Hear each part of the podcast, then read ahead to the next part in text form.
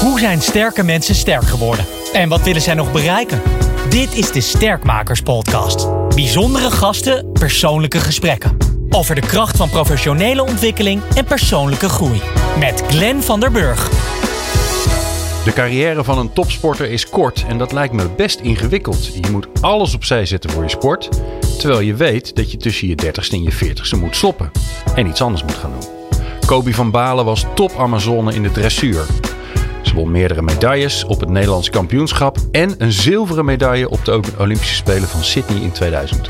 Hoe is zij sterk geworden als topsporter en wat heeft ze aan die ervaring in haar verdere carrière? Kobi, bijzonder leuk om met je te praten over sterk worden in je werk. Ehm, ja, ik neem je eerst even een klein beetje terug in de tijd. We gaan uh, naar halverwege de jaren 60. Je bent weer acht. Dus je moet je even een klein, klein beetje verplaatsen. Um, wat deed je het liefst toen je acht was als uh, jong meisje? Toen ik acht was, zat ik uh, uiteraard op de lagere school in mijn geboortedorp Werkhoven. Help ons even, waar, waar is Werkhoven? Voor Werkhoven is een dorp uh, gelegen in de provincie Utrecht en ook dicht bij de stad Utrecht. Eigenlijk uh, naast Oudijk en Houten. Ah, kijk, aan die kant even kijken. Een klein... Ja, links, linksboven, linksboven Utrecht. Um, ja, ja, ja, ja, een beetje opzij, ja.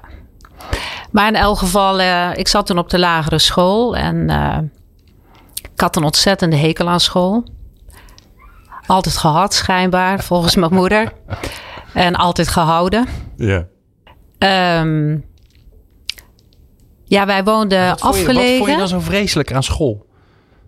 Ik vond het al vreselijk om van huis weg te gaan. Echt waar? Wij woonden op een boerderij, vrij afgelegen van het dorp eigenlijk. Ja.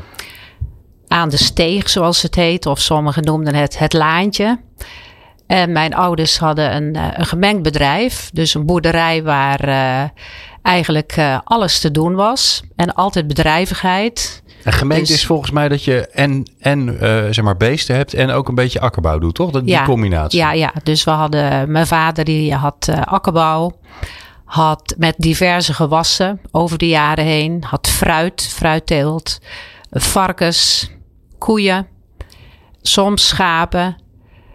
Uh, ja, dus een heel gemengd bedrijf. Daarnaast maakte, en dan melkkoeien was eigenlijk de hoofdmoot.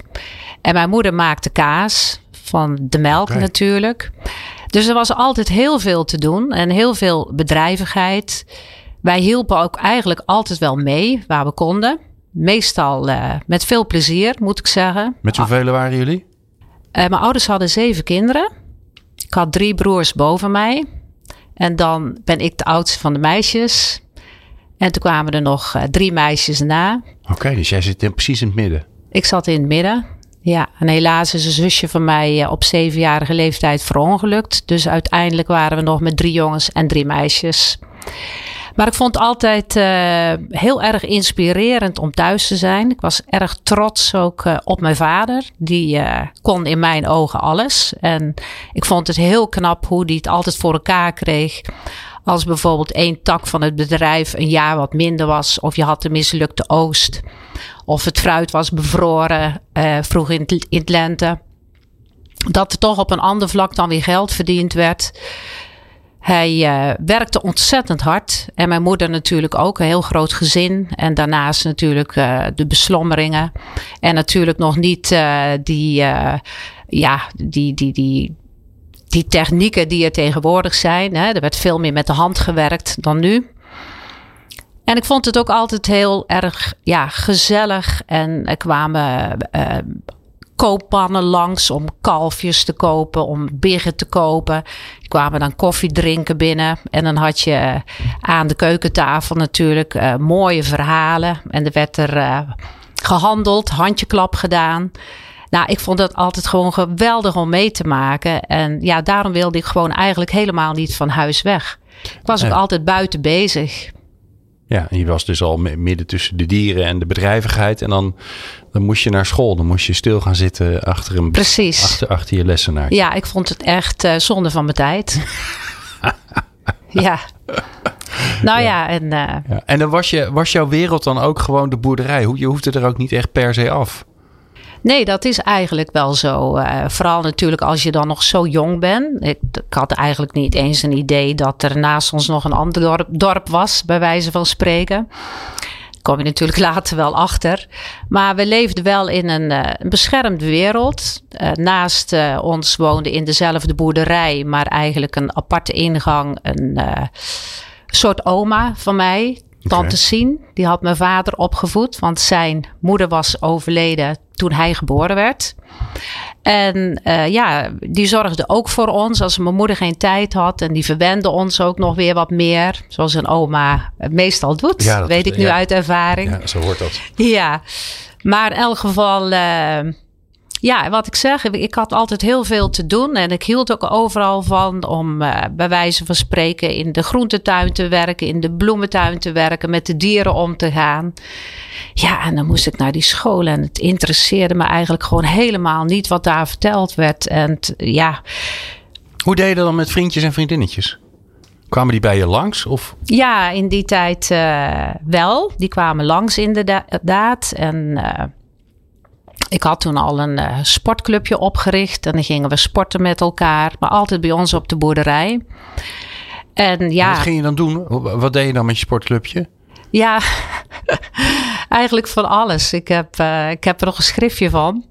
En dat is wel heel leuk om te lezen. We waren best uh, ook heel streng, moet ik zeggen. Oh.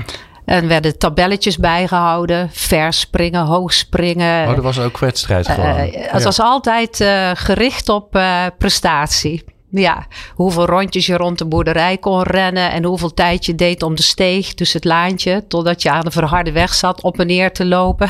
Zulke dingen.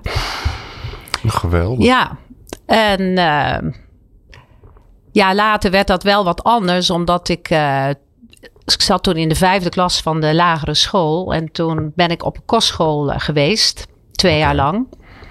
Waarom ging je daarheen dan? Um, ja, waarom? Achteraf denk ik dat uh, mijn ouders waren heel streng gelovig, katholiek. En die hebben ook altijd heel veel uh, hulp gehad en steun gehad uit hun geloof. Want ja, hun waren natuurlijk, wat ik al vertelde, mijn vader was geboren en zijn moeder overleed. En zijn vader stond er alleen voor. En mijn moeder had ook een triest verhaal thuis. Die woonde ook op een boerderij. En haar moeder overleed heel onverwachts aan een uh, herseninfarct toen zij 17 was. En zij was het oudste meisje en zij moest dan eigenlijk voor het hele gezin zorgen. En haar vader, die werd depressief, die kon het niet aan dat zijn vrouw uh, dus overleden was en dat hij de zorg had voor een grote gezin. En het was natuurlijk ook voor de boerenbedrijven in die tijd ook een armoedige tijd. En toen kwam de oorlog er natuurlijk nog bij. Dus ik ja, ik denk achteraf dat mijn moeder met name, die, die was wel heel erg vroom dat zij toch nog gehoopt had dat ik en mijn jongste broer, die was dan natuurlijk wel ouder dan ik, want die ging toen ook naar een kostschool, een jongensschool uiteraard, een jongensinternaat, onder leiding van de broeders. En ik zat bij de nonnen. Ja, dat ze misschien toch nog gehoopt had dat wij uh, wellicht in het klooster gingen. Oké. Oh. ja, dat zal je nu niet verwachten. Denk je dat, dat denk ik. Dat, ja, dat, maar dat, denk ik. Uh, dat dat er toch eigenlijk achter zat. Maar het werd niet eh, uitgesproken. Het werd niet uitgesproken. Het werd eigenlijk voorgesteld aan mij. En het leek me eigenlijk, uh, ja, ineens toch wel heel interessant. Het, het, het, het, werd ook gedaan alsof het een voorrecht was. Dat je zo'n kans kreeg. En uh, ja, je leerde natuurlijk uh, andere mensen kennen. Uh, ik kreeg nieuwe kleding, wat ik heel interessant vond. Waar was die kostschool? Waar ging je naartoe? Ik ging naar Bodegraven, een okay. meisjesinternaat. Maar ehm, ik keek er heel erg naar uit. Ik vond het interessant, want iedereen in het dorp wist dat. En in de klas ook. mijn vriendinnen daar, die vonden dat ook heel interessant dat ik dat mocht gaan doen. Maar ik vond het afschuwelijk. Ik, wou net zeggen, het meisje, meisje, van de boerderij die dan ineens in zo'n... Want die kostscholen die waren natuurlijk hartstikke streng bij de nonnen. Ontzettend streng en eh, ontzettend um, zuinig was alles. Um, ja, niet vriendelijk. Je kreeg ook overal uh, straf voor, terecht en onterecht. Ja, straf was Ehm, niet... eh, de straf was niet, eh, ga maar eens even heel veel, heel veel eh, st- strafregels schrijven. Ook, onder andere ook. Maar Oh. ook s'nachts op de trap blijven zitten. Tot een uur of eh 1, 2 of 3 hoorde je de kerkklok naast je slaan. Ja. Tegenwoordig zou, eh, zouden dat soort instellingen gesloten worden voor dat soort dingen, denk ik. Ja, ja, ik denk het wel. Ehm, ja, in elk geval, eh, ik ging dan één keer een weekend naar huis, één keer in de drie weken. En eh, ja, dan moest je weer terug. Dan had ik zaterdagavond, ik was vrijdagavond dan thuis, was ik heel blij. En zaterdagavond had ik al pijn in mijn buik, omdat ik zondagmiddag alweer terug moest. En dan kwamen je vriendinnen spelen en op zondagmorgen, nadat je terugkwam van de kerk. En dan, eh, ja, die bleven lekker spelen met mijn zusjes. En ik eh, moest met mijn fietsje naar de bus en met de bus naar de trein in Utrecht. En dan eh Bodegraven eruit, lopen met je koffertje. En dan zat je weer eh, bij de nonnen. Ja. Ik heb wel eh, hele leuke vriendinnen eraan overgehouden. Ehm, mijn beste vriendin daar, ja, zij is helaas overleden. Maar ze hebben later nog heel lang contact gehouden. We zaten natuurlijk allemaal in hetzelfde schuitje. Dus ja, je wordt ook wel eh, heel vindingrijk om er gewoon toch wat van te maken. Want onderling eh, hadden we echt wel heel veel lol. En ook, eh, we bedachten wel allerlei trucjes en grapjes om toch die nonnen af en toe flink ertussenin te nemen. en Wat heb je daar nou? Want je, je zit daar twee jaar. Nou ja, als je, als je jouw verhaal hoort, dan denk je aan alle kanten: ja, dit, dit gaat niet werken. Jij gaat het daar niet naar je zin hebben. Wat heb je er toch van meegekregen waar je wel wat aan had? Ehm, ik denk natuurlijk wel een heel stuk zelfstandigheid. Dat absoluut.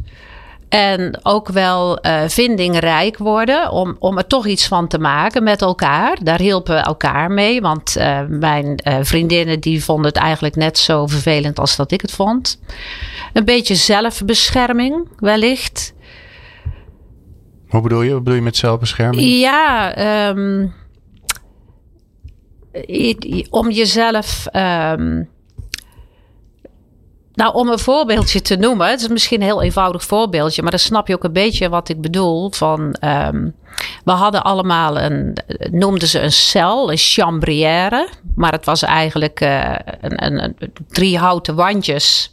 En daar was een gordijntje voor en dat was dan je kamer. Daar was dan één bed in en een eh, waskom. En nou ja, zo waren er op onze slaapzaal. Ik denk, ja, nou schat ik even hoor. Ik heb ze nooit geteld toen. Ik denk 50, 60 of zo. Hè? Oké, wauw. En er was er één eh, hoofdnon van die slaapzaal natuurlijk eh, aanwezig. En s'avonds dan ging je jezelf wassen aan de, de wasbak. Het was een hele rij met wasbakken. En ehm, daar ging je ook altijd je sokken in wassen en je onderbroek. Dat was elke avond vaste prik. Moest stil zijn natuurlijk. En dan eh, om half acht ging het licht uit. Maar dan kwam die non nog altijd wel bij eh, een hoop kinderen dat celletje in. En die ging dan goedenacht knuffelen. En ik vond dat zo afschuwelijk. Ik had dat toen de eerste avond dat ik daar was al gezien. Dus nou ja, ik deed altijd net alsof ik in hele diepe slaap was. Ik ging een soort snurken. Terwijl ik eh, wakker bleef voor tot een uur of tien, elf. Ja, dat bedoel ik een beetje met zelfbescherming. Hè? Je ouders zijn er niet. En ik denk ook helemaal niet. Kijk, natuurlijk later is overal eh, dat seksueel misbruik naar voren gekomen. Ik ben altijd heel blij trouwens dat mijn ouders dat nooit meer meegemaakt hebben. Want ik denk dat mijn moeder dat gewoon nooit geloofd had. Maar ik denk ook helemaal niet dat die zusters daar dat eh, voor ogen hadden. Totaal niet. Maar ik vond gewoon, ik, ik vond gewoon niet op zijn plaats. En zo kan ik ja nog wel heel wat eh, dingetjes meer eh, bedenken. Ehm, ja, dan had je bijvoorbeeld strafwerk van inderdaad strafregels schrijven. Want je had iets gedaan wat in hun ogen niet door de beugel kon. Iets heel onbenulligs zo van het podium afspringen in plaats van een trapje nemen. Ik noem maar wat. Nou ja, dan had je honderd strafregels. En dan dacht ik, ik ga ze toch nog even een hak zetten. En dan zet ik eronder in, in die laatste zin van het overschrijven, zet ik toch nog even iets. En ik vind jullie niet aardig. Zo. En dan had ik daar gewoon zelf toch schik om. Dat, eh, En, ja. en je moest niet dan weer honderd regels Nee, nee, schrijven. dat deden ze gewoon niet. net of ze dat, tenminste bij mij, eh, ze hebben net gedaan of ze dat niet lazen. Of misschien hebben ze het ook wel helemaal niet gelezen. Hoor. Maar ik had zelf wel schik, een binnenpretje om. Dus ja, zo maakte je er wat van. Een beetje beetje dat idee. En toch ook wel weer eh, meer ehm, de bewondering eh, hoe, hoe fijn je het eigenlijk thuis had. Dat Ja. eh, zeker. Dat Of- of die warmte thuis. Dat ja. Hoe, hoe, voelde dat naar je ouders toe? Want nou ja, je, werd ergens heen gestuurd wat van tevoren heel mooi en spannend gemaakt was. Nou, het bleek niet leuk te zijn, vervelend te zijn. Je ging elke, elke drie weken weer met pijn in je buik er naartoe en dan zat je er weer. Ik kan me ook voorstellen dat, dat je dan boos wordt op je ouders of heel verdrietig van wat doen jullie me aan? Eh, Ja, in het begin had ik echt zoiets van ik laat me niet kennen. Want ik wilde er ook graag heen. En eh, mijn broer had het op zijn pensionaat. Hij zat in eh Bokstel, Brabant. Had hij het heel erg naar zijn zin. Dus ik kwam steeds met grote verhalen thuis. En ik had eigenlijk niet zoveel te vertellen. Dus eerst deed ik maar gewoon een beetje mee. En nou, prima, dit en dat. Maar ja, op een gegeven moment hadden ze natuurlijk wel door. En toen het tweede jaar, dus voordat ik naar de middelbare school eh, ging, toen zei ik ook echt tegen mijn ouders: ik ga absoluut niet door op de middelbare school. Op die, dat, want dat kon ook, hè, daar de vervolgopleiding. Want eh, ja, dan loop ik weg. Dat, ik wilde gewoon nooit meer heen. En ik heb ook een ontzettende hekel gekregen aan die nonnen. Dat is. eh, het heeft geen goed gedaan. Nee, nee, ik weet dat mijn, mijn moeder, die heeft ook bij de nonnen gezeten. Of tenminste, een nonnen eh, school gezeten. Haar middelbare school volgens mij. Nou, die vindt het ook vreselijk, vond hij het. Nee, Oké. dat Ja. eh, totaal terzijde. Wanneer kwam, eh, wanneer kwam je sport eh, in beeld? Wanneer kwam je in contact met, eh, eh, nou, met de dressuur, met paarden? Ik was altijd al helemaal dol op paarden en ponies en alles wat ermee te maken had. Ik ging altijd heel graag naar een tante van mij. Die eh, hadden ook een boerderij dan, maar die hadden nog de paarden om te werken. En showpaarden voor de wagen, dus tuigpaarden. Prachtig om te zien en ook prachtig om, ja, om van alles te doen met die dieren. Daar genoot ik enorm van. En toen ik terugkwam eh, van die kostschool, toen ging ik eigenlijk eh, naar de middelbare school in Zeist. En dat was ongeveer eh, ja, drie kwartier tot een uur fietsen. Ja, en dan kom je natuurlijk ook in een andere omgeving. En dan zag je natuurlijk ook wel eens bij een huis paarden lopen of ponies lopen. Het was een beetje in opkomst toen de tijd. Want het werken met de boerenpaarden was voorbij. En op eigenlijk elke boerderij kreeg je toen een beetje, er werd ook wat meer verdiend, hè, er mocht wat meer luxe zijn. Kregen die boerenkinderen wel ook een paard waarmee ze ook naar de rijvereniging konden, waarmee ze konden rijden. Dus niet alleen een paard wat nuttig was voor het werk, maar je had dan ook een sport. Nou, dat zou ik ook zo graag willen. Als ik dat zag, ik ging eh, overal achterom en een praatje maken. Ik kende ze eigenlijk allemaal in de Maar je omgeving. fietste dan langs en dan zag je een paard en dan ging je er gewoon heen. Ja, Oké, Ja. dat is best, dan- best dapper voor een klein, voor een jong meisje. ja, ja, toch? ja, misschien had ik dat ook wel overgehouden van die kostschoolperiode. Dat weet ik eigenlijk niet. Ik heb er nooit zo over nagedacht. Maar in elk geval, dat deed ik. En eh, nou ja, dan eh, kwam natuurlijk thuis het gezeur ook voor een pony. En eh, mijn vader die eh, was er eigenlijk op tegen, want het ging allemaal net wat beter met de boerderij. En dan zei hij van, eh, ja, maar op die plaats waar een paard staat, dan kan ook een koe staan. En die koe die geeft melk. En dat paard, het kost geld. Dat is een groot verschil. Daar moet je goed over nadenken. Maar ja, uiteindelijk kwam toch met de hulp van een oom, kwam er een pony op het terrein. Die kreeg ik van hem. En ja, was ik eigenlijk al veel te groot voor. Maar eh, ja, daar heb ik ontzettend veel plezier mee gehad. Ik was altijd bezig met dat beestje. Van alles geleerd. Hij kon met zijn pootjes tellen. En hij kon gaan zitten en gaan liggen. En ehm, Oké, dus het was niet alleen maar rijden en verzorgen, maar je ging ook gelijk al trainen. Ja, Vanzelf. ja, trainen. De- Deed iedereen dat of had je dat zelf bedacht? Ik had dat, eh, ja, ik had boeken gelezen van Mariska in het circus en weet ik het wat allemaal, hoe ze heten.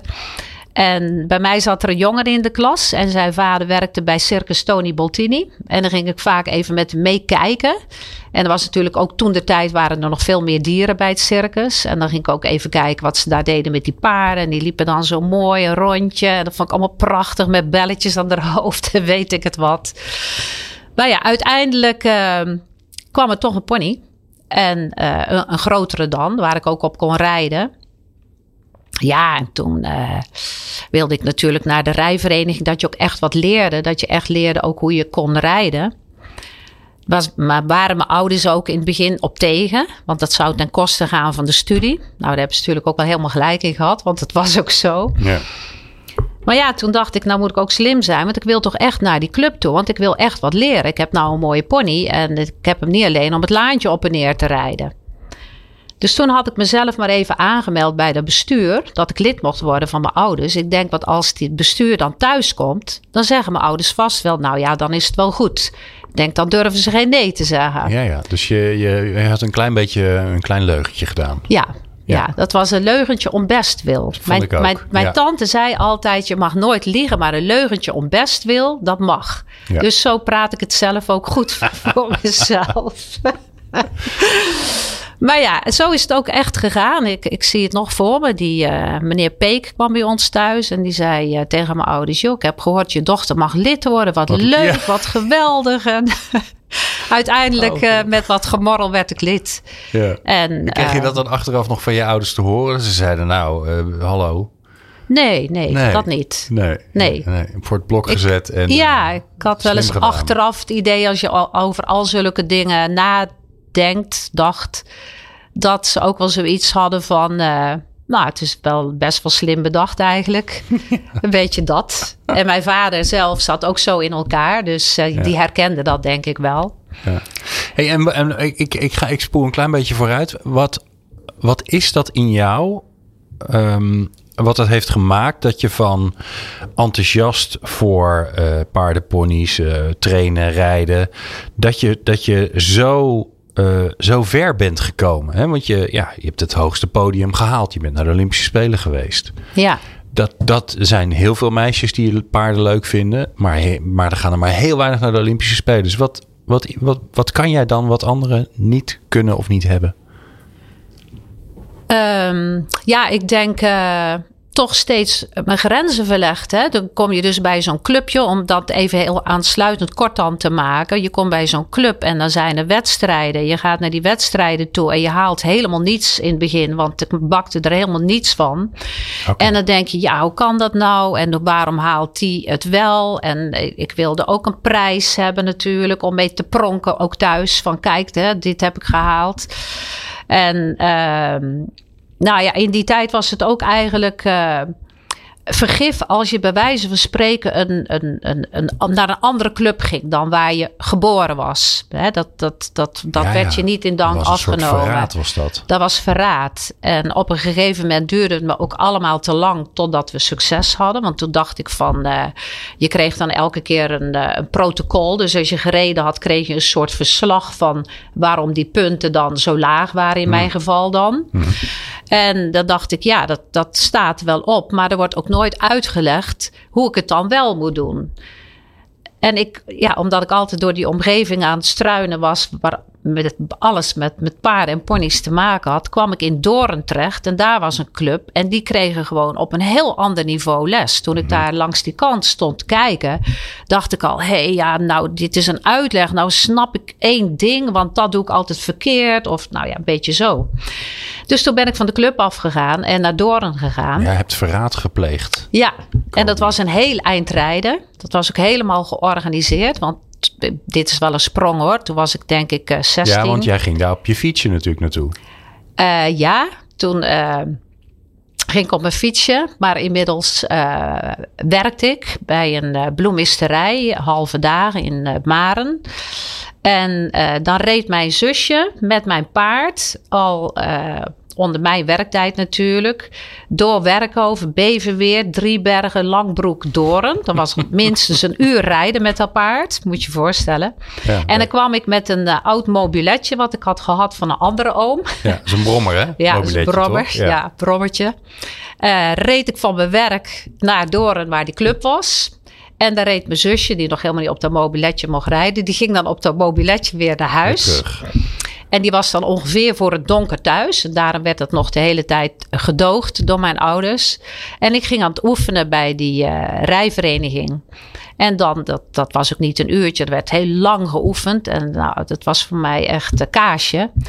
En dan ging ik naar huis door het donker met een lampje aan. En dan was ik om een uur of elf of twaalf thuis. Wauw. Ja, want ik was super blij, want ik, ik, ik, ik kon vooruit en ik Want leerde je was wat. aan het leren. Toen Ja. merkte je gewoon, nu, nu ga ik, nu, nu, nu ben ik stappen aan het ja, zetten. Ja, Nu word ik beter. ja, ja. Nou ja, en ondertussen die situatie thuis was zo dat ik een, eh, al een hele handel was begonnen in, in ponies. Want de vraag was heel groot. Al op die club waar ik vandaan kwam in Oudijk. En ook die club waar ik eh, heen ging. En eh, ja, door mijn contacten wist ik wel eens wat. Of kocht zo'n beestje zelf. En dan leerde ik hem wat beter in het gareel te staan, zeg maar. En dan verkocht ik hem weer door. Maar En- hoe oud ben je ondertussen? Ja, 15, 16. Oké, en dan kocht je hem en je, en je vader die vond dat een goed plan. Dat je nou, in kocht. aanvang niet. Extra. Nee, in aanvang niet. Maar eh, toen hij merkte dat daar eigenlijk wat geld mee te verdienen was. Ja. Toen eh, hebben we eigenlijk een deal gemaakt. Die hebben we ook lang volgehouden tot ik uit huis ging en ging trouwen. Maar eh, die paarden en ponies mochten bij mijn vader staan. Voor niets. Die werden eh, gevoerd met voer van de boerderij en de stal van de boerderij en het hooi en het stro. En als ik ze dan weer verkocht had, dan deelden we de winst. Oké. Nou. En zo kon ik eigenlijk, zeg maar, elke keer na een jaar of anderhalf een, voor mezelf een beter eh, paard met kwaliteiten kopen of een pony. En zo heb ik het eigenlijk opgebouwd om ja, op niveau te komen. Want het is natuurlijk wel ook een sport voor twee levende wezens. Want je moet jezelf bekwamen. Ja. Maar je, moet, je bent natuurlijk ook heel erg afhankelijk van de kwaliteit van je paard. Ja. Ja. Ja, en, En- en, en, een, en een, een heel goed paard is ook een heel duur paard. Ja, En daar moet je maar toevallig eh, toegang toe hebben. Ja, ja. En het is natuurlijk de kunst om ze goedkoper te krijgen en ze duur te maken. Ja. Ja. Maar eh, ja, dus die handelszin van je, van je vader, die heb je wel ja, meegekregen. ja, Ja. zeker. En in eerste instantie natuurlijk begonnen met allerlei eh kneusjes die ik op de markt eh, bij elkaar eh, kon kopen van de slacht weg, die ook niet zo duur waren. Dat geld had ik verdiend met allerlei bijbaantjes van eh, kranten, aardbeien, plukken, appels plukken, oppassen, dat soort dingen. En ja, naarmate dat de jaren vorderden, was dat gewoon een hele leuke business naast mijn sport. Want ik wilde gewoon eh, verder komen. Want dan Ja. zat ik weer op die club. Dan wilde ik weer de beste worden van die club. En ja, zo gingen elke keer je grenzen gingen, eh, Ja. werden verlegd. Heb je nou een moment gehad op weg? Hè? Want ik zie die Olympische Spelen als een soort, nou ja, de, de top van de berg, zeg maar. Ja. Heb je nou een moment gehad op weg naar die, naar die top waar je, waar je het even niet meer zag? Waarbij je even dacht, oh mijn god, wat hoe, Ja, ik stop ermee, ik heb er geen zin meer in, het gaat het niet dat heb ik één keer gehad. Wanneer? Ehm, dat heb ik gehad. Ik weet ook niet meer het jaartal.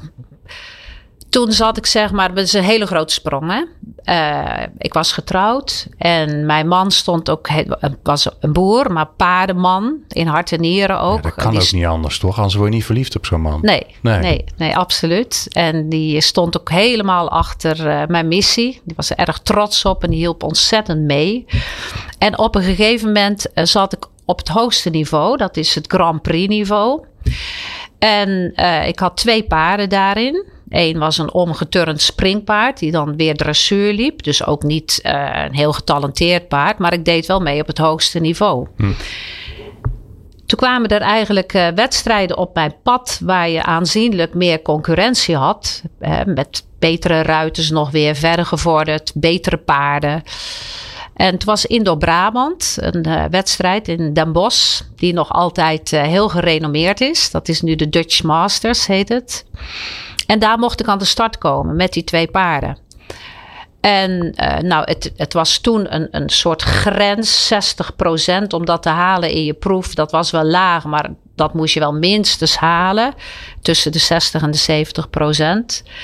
En daar mislukte eigenlijk allebei mijn proeven. En had ik onder de 60 met allebei. En eh, ik was een beetje aan het eind van mijn Latijn, want ik, ik deed er ontzettend veel voor. Ik ging trainen in Duitsland bij een gerenommeerde trainer. Ik ging soms vijf keer in de week op en neer. En als de tijd het niet toeliet eh, thuis, dan eh, rekende ik mijn tijd naar voren of naar achteren. Dus dan begon je om vijf uur en dan ging ik door tot elf uur of twaalf uur. Dus ik was gewoon ook een beetje ja, op het einde van je krachten. En we hadden een gezin. Ik had twee prachtige kinderen, Marlies en Ari. En mijn man die, ehm, ja, die deed heel veel. Die, die, die ving echt heel veel voor mij op eigenlijk. En toen had ik even na dat concours, ik baalde zo van mezelf dat ik het er niet meer uitgehaald had. Dat ik echt dacht van, is dit het nou allemaal waard? Iedereen doet mee dat ik dat kan doen. En dan presteer ik zo. Abnormaal slecht. Eh, ga ik hiermee door? Ja. En de volgende morgen had ik echt zoiets, tuurlijk ga ik door. Ik ga zorgen dat ik een betere krijg en ik moet wat veranderen. En Maar eh, de- hel- help ons even. Want ik denk dat, dat heel veel mensen ehm, eh, willen ergens goed in worden. ja, Maar die komen er nooit. Want eh, op weg naar dat goed worden eh, zijn er dit soort tegenslagen, maar misschien ook veel kleinere Ja. tegenslagen. Ja, namelijk, van eh, alles. Je, je moet ergens naartoe. Dit en is ook maar één regent. dingetje. Je moet naar de training en het regent. Je hebt eigenlijk geen zin en je gaat niet. En dan einde carrière zou je kunnen zeggen. Want nou, dat, de, de- de- er zijn heel veel van dat soort momenten. Dit is een, was een groot moment voor jou. Wat is het dan in jou wat ervoor zorgt dat je dan doorgaat? Want talent is één en, eh, en je moet een beetje vindingrijk zijn. Dat hoor ik terug in je verhaal. Maar je moet ook doorzetten. ja. Dat zeker. Dat- leer dat is leer je het. dat? Zit dat in je? Wil je het dan zo graag? Ja, Eh, ik denk wel. Kun je, kun je ook niet meer terug omdat je al zoveel geïnvesteerd hebt? Kan natuurlijk ook, hè? Ja, maar dat had wel gekund. Dat, eh we kijken dan verkoop je je paarden. En, ja, maar je hebt natuurlijk eh, heel veel tijd geïnvesteerd. Ja, zeker. Maar dat kwam echt niet in me op. En eh, nee, ik denk echt wel dat dat doorzetten, dat zit wel het grootste gedeelte gewoon wel in je. Ja. Ik zie het ook aan mijn leerlingen. Je hebt eigenlijk al heel snel door. Degene die eh, doorzetten, de bijtertjes, hè, niet piepen, maar doorgaan. Ehm, of degene die alles aangrijpen, toch om een beetje in de negativiteit te komen en eh, in de twijfel te komen. Dat is een groot verschil wel in je karakter. Ja. En ik denk ook wel eh, je omgeving eh, van huis uit echt wel meegekregen dat van als je ergens voor gaat, dan moet je er gewoon ook 100% voor gaan. En dan heb je kans dat het wat wordt. Maar als je je best al niet doet, dan kan je beter stoppen. Dan wordt het ook nooit wat. Hoe gebruik je dat nu? Je hebt nu een, eh, je zei het al even, je hebt leerlingen, je hebt een, je hebt een school. Ja. Ja, ik probeer dat altijd wel eh, positief over te brengen. En ik kan ook altijd wel als iemand eh, een probleempje hebt, kan ik dat altijd wel ook met een eigen voorbeeld. Of een voorbeeld bijvoorbeeld van, van een andere leerling of van Marlies. Marlies is je dochter, hè? Ja, dat is mijn dochter. Kan ik dat onder woorden brengen? Want we hebben eigenlijk bijna al elke situatie ooit een keer meegemaakt. En daar zijn we weer uitgekomen. Soms ook door andere mensen bij te raadplegen. Heel divers eigenlijk. Maar toch altijd wel weer blijven doorgaan. Je- Jezelf vastbijten en gewoon niet opgeven. Maar wel natuurlijk goed in je hoofd evalueren hoe het komt en hoe je het kan verbeteren. Ja. En die, die, die, die hindernissen die je moet nemen, ja, die horen wel altijd erbij. Dat is natuurlijk ook in je bedrijf. Het, is bijna niemand die gewoon eh, onderaan begint en die gaat zo door naar de top. En eh, Het ja, gaat vanzelf een keer mis, hè? ja, Ja. Hey, en ehm, wanneer, ehm, wanneer stop je met zo'n sport? Hè, want eh, eh, je, het, is, het, is, eh, het is topsport, dus het vraagt heel veel van je. Ik denk dat, je, dat deze sport misschien het voordeel, voordeel heeft dat je niet eh 90 minuten lang hoeft te sprinten over een veld. Dus misschien kun je het fysiek iets langer aan, maar dat weet ik eigenlijk helemaal niet. Dus een aanname. Ja, nou het is zeker wel een van de sporten waar je als je een beetje geluk hebt natuurlijk met je gezondheid en ook wel met je, ja toch ook wel met je, met je figuur en je elasticiteit en noem maar op. Of schoon je daar natuurlijk ook veel aan kan doen. Kan je dit wel heel lang doen en is je ervaring wel een pre.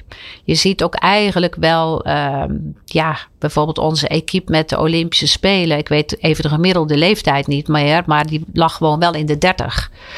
En ehm, ja, ik ben op een gegeven moment gestopt met eh, de wedstrijdsport. En eigenlijk om die reden, ik was toen bijna 50. En ik had een goed paard ook, waar ik goed mee scoorde.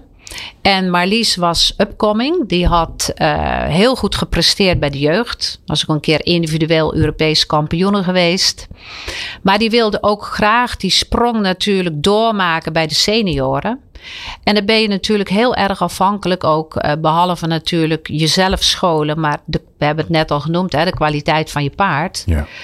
En toen was ik op een wedstrijd, dat was ook in Nederland overigens, in uh, Oudo Gelderland, in Papendal, Arnhem. En toen dacht ik echt van, goh, nou ben ik dadelijk 50, ik heb een goed paard. Eigenlijk kan ik hem veel beter Marlies ter beschikking Hmm. stellen. Dan heeft zij er één bij, een reserve. Want een paard kan natuurlijk ook, en er gebeurt helaas ook, eh, blessures krijgen. Dus als je één of twee paarden meer hebt, sta je sterker qua sportprestatie. En dat heb ik toen gedaan. En Wat lief van je. Ja, het mooie is natuurlijk wel van eh, thuis kan je wel gewoon lekker heerlijk trainen en doorrijden. En dat is toch gewoon hetgene waar je het meeste plezier uit haalt. Dus dat verandert niet. En die, die wedstrijden, ik had alles gehad. Ik heb EK's gereden, WK's gereden, NK, Olympische Spelen, Wereldbeker eh. Dus ja, ik was overal geweest. En ehm, Honger was een beetje gestild. Ja, ik, ik denk echt wel, als ik geen dochter had gehad met die interesse en dat doorzettingsvermogen en talent, hè, want ze verdiende het ook echt in mijn beleving, eh, en dat was ook zo, dan was ik wel langer doorgegaan. Maar ehm, ja, achteraf denk ik ook soms uh, dingen lopen soms zo zoals het ook zo moet zijn. Want toen was ik uh, 51, toen kreeg ik borstkanker. De er een jaar uit, minstens, als je geluk hebt. Ja. Maar toen genoot ik nog ontzettend, want inmiddels was Marlies met dat paard een combinatie geworden. Met OJ, zo heette hij. En dan kon ik mee naar die wedstrijden. En dan genoot ik ontzettend ervan dat Marlies zo goed presteerde. Dat ze hem zo goed reed. En dan was ik super trots. Net zo trots als dat ik zelf was als ik een goede prestatie neerzette. Mm. Dus dat uh, was echt een stukje blijdschap in die, uh, ja, toch wel. Uh, ja. ja. Ja, ja. Want dat is heftig. Dat is heftig. Ja. Ja. ja. Nee, ik, ik merk dat zelf dat gelukkig, omdat er natuurlijk heel veel uh, uh, kanker overwonnen wordt uh, en genezen wordt. Maar dat wil niet zeggen dat het niet een ongelooflijke heftige periode is voor. eh, en, en helaas krijgen heel veel vrouwen borstkanker, omdat ja, ja. dat nou eenmaal eh, zo werkt met de cijfers. Ja. Um, ik ga ons even laten verrassen, Kobi. En dat doe ik door, uh, door een kaartspel. Um, dat oh. doe ik ook. Ja, leuk hè? Ben ik ja. heel slecht in. Ja, maar je hoeft gelukkig niet, uh, je, hoeft niet je kunt niet winnen en verliezen. Maar het zijn, al, het zijn gewoon vragen. Het is het spel Spelen met Talenten. Uh, uitgegeven bij Thema Uitgevers. Uh, linkje zorgen we ervoor dat die in de show notes terechtkomen. En daar zitten allemaal kaarten in. allemaal kleurtjes. Ik haal overigens, want er zitten ook rode kaarten in. Actiekaarten. Maar dan moet je nu wat gaan doen. Dat is een beetje lastig in een podcast. als je ineens, weet ik veel, naar de bakker moet of iets moet gaan doen. Maar we hebben talentkaarten. Die zijn groen doelenkaarten, die zijn oranje. En we hebben feedbackkaarten. Dus er zitten net weer even wat andere vragen in. Maar we laten gewoon de, de, ja, het toeval besla, beslissen uh, welke vraag je hebt. Dus kies er maar één uit. Een leuke. Het is een doelenkaart geworden, een oranje. Favoriete kleur. Dan mag jij hem zelf voorlezen aan jezelf. Ja, ik heb geen bril op. Oh, dat doe ik het voor ik heb wel een bril op. Oh ja, stel dat je tien jaar ouder of jonger zou zijn dan je nu bent, wat voor beroep zou je dan willen doen? Maar dat is interessant. Nou, niets anders dan wat ik nu doe. Nou, dat is een mooi antwoord. Ja. Dus je bent gewoon hartstikke gelukkig. Ja. Ja. Zeker. Ja. En die leeftijd maakt dan dus blijkbaar niet zoveel uit. Als je er tien jaar bij optelt, zou, doe je dan ook nog steeds hetzelfde? Nou ja, je, dan, hè, uh, dan ben ik 75. Ja. Dus uh, waarschijnlijk niet. Want ik rijd nu nog best wel echt heel veel paarden. Ja. Maar ik hoop wel dat ik gewoon in, uh, in, in het bedrijf. Uh, en ook het bedrijf van mijn zoon en mijn schoondochter. Die hebben een opfokbedrijf voor paarden. Ja, dat ik daar lekker binnen kan stappen. En dat ik van de paarden kan genieten. Ja, een beetje en, helpen hier en daar. Ja, en dat je nog natuurlijk mobiel zou kunnen zijn. En dat je, daar, ja, dat je overal daar nog heen kan. En ja. dat je wel uh, ja, de band kan houden met alles wat met die paarden te maken heeft. De fokkerij en de sport. Het is een beetje een mooie opmaat naar, uh, uh, naar de toekomst. Um, dus ik ga je meenemen een, een, flink wat aantal jaartjes vooruit. Want we zijn op je tachtigste verjaardag, dus niet je 75, maar je bent 80. ik hè? hoop dus, dat is net weer even een stapje verder. Uh, gefeliciteerd, je bent jarig natuurlijk. Ik, ja, ik, ik mocht ook komen, dat is ook wel leuk. Uh, je familie, je vrienden, je bekenden, ze zijn er allemaal. En um, uh, bij de toast wordt er gespeecht. Um, voor jou en over jou. Wat hoop je dat ze over je zeggen? nou, dat laat ik op me afkomen. Ja? Ja. Wie, Ja. wie, wie, wie, wie zou je leuk vinden als, als, iets, als iets zeggen? Nou, dan echt ons gezin. Mijn, Ja? ja? ja, mijn zoon en mijn dochter en mijn schoonzoon en mijn schoondochter. Ik heb het geluk dat ik ook hele lieve schoonkinderen heb. Waar ik heel trots op ben en veel van hou. Dus het lijkt me toch het mooiste als die daar zouden staan.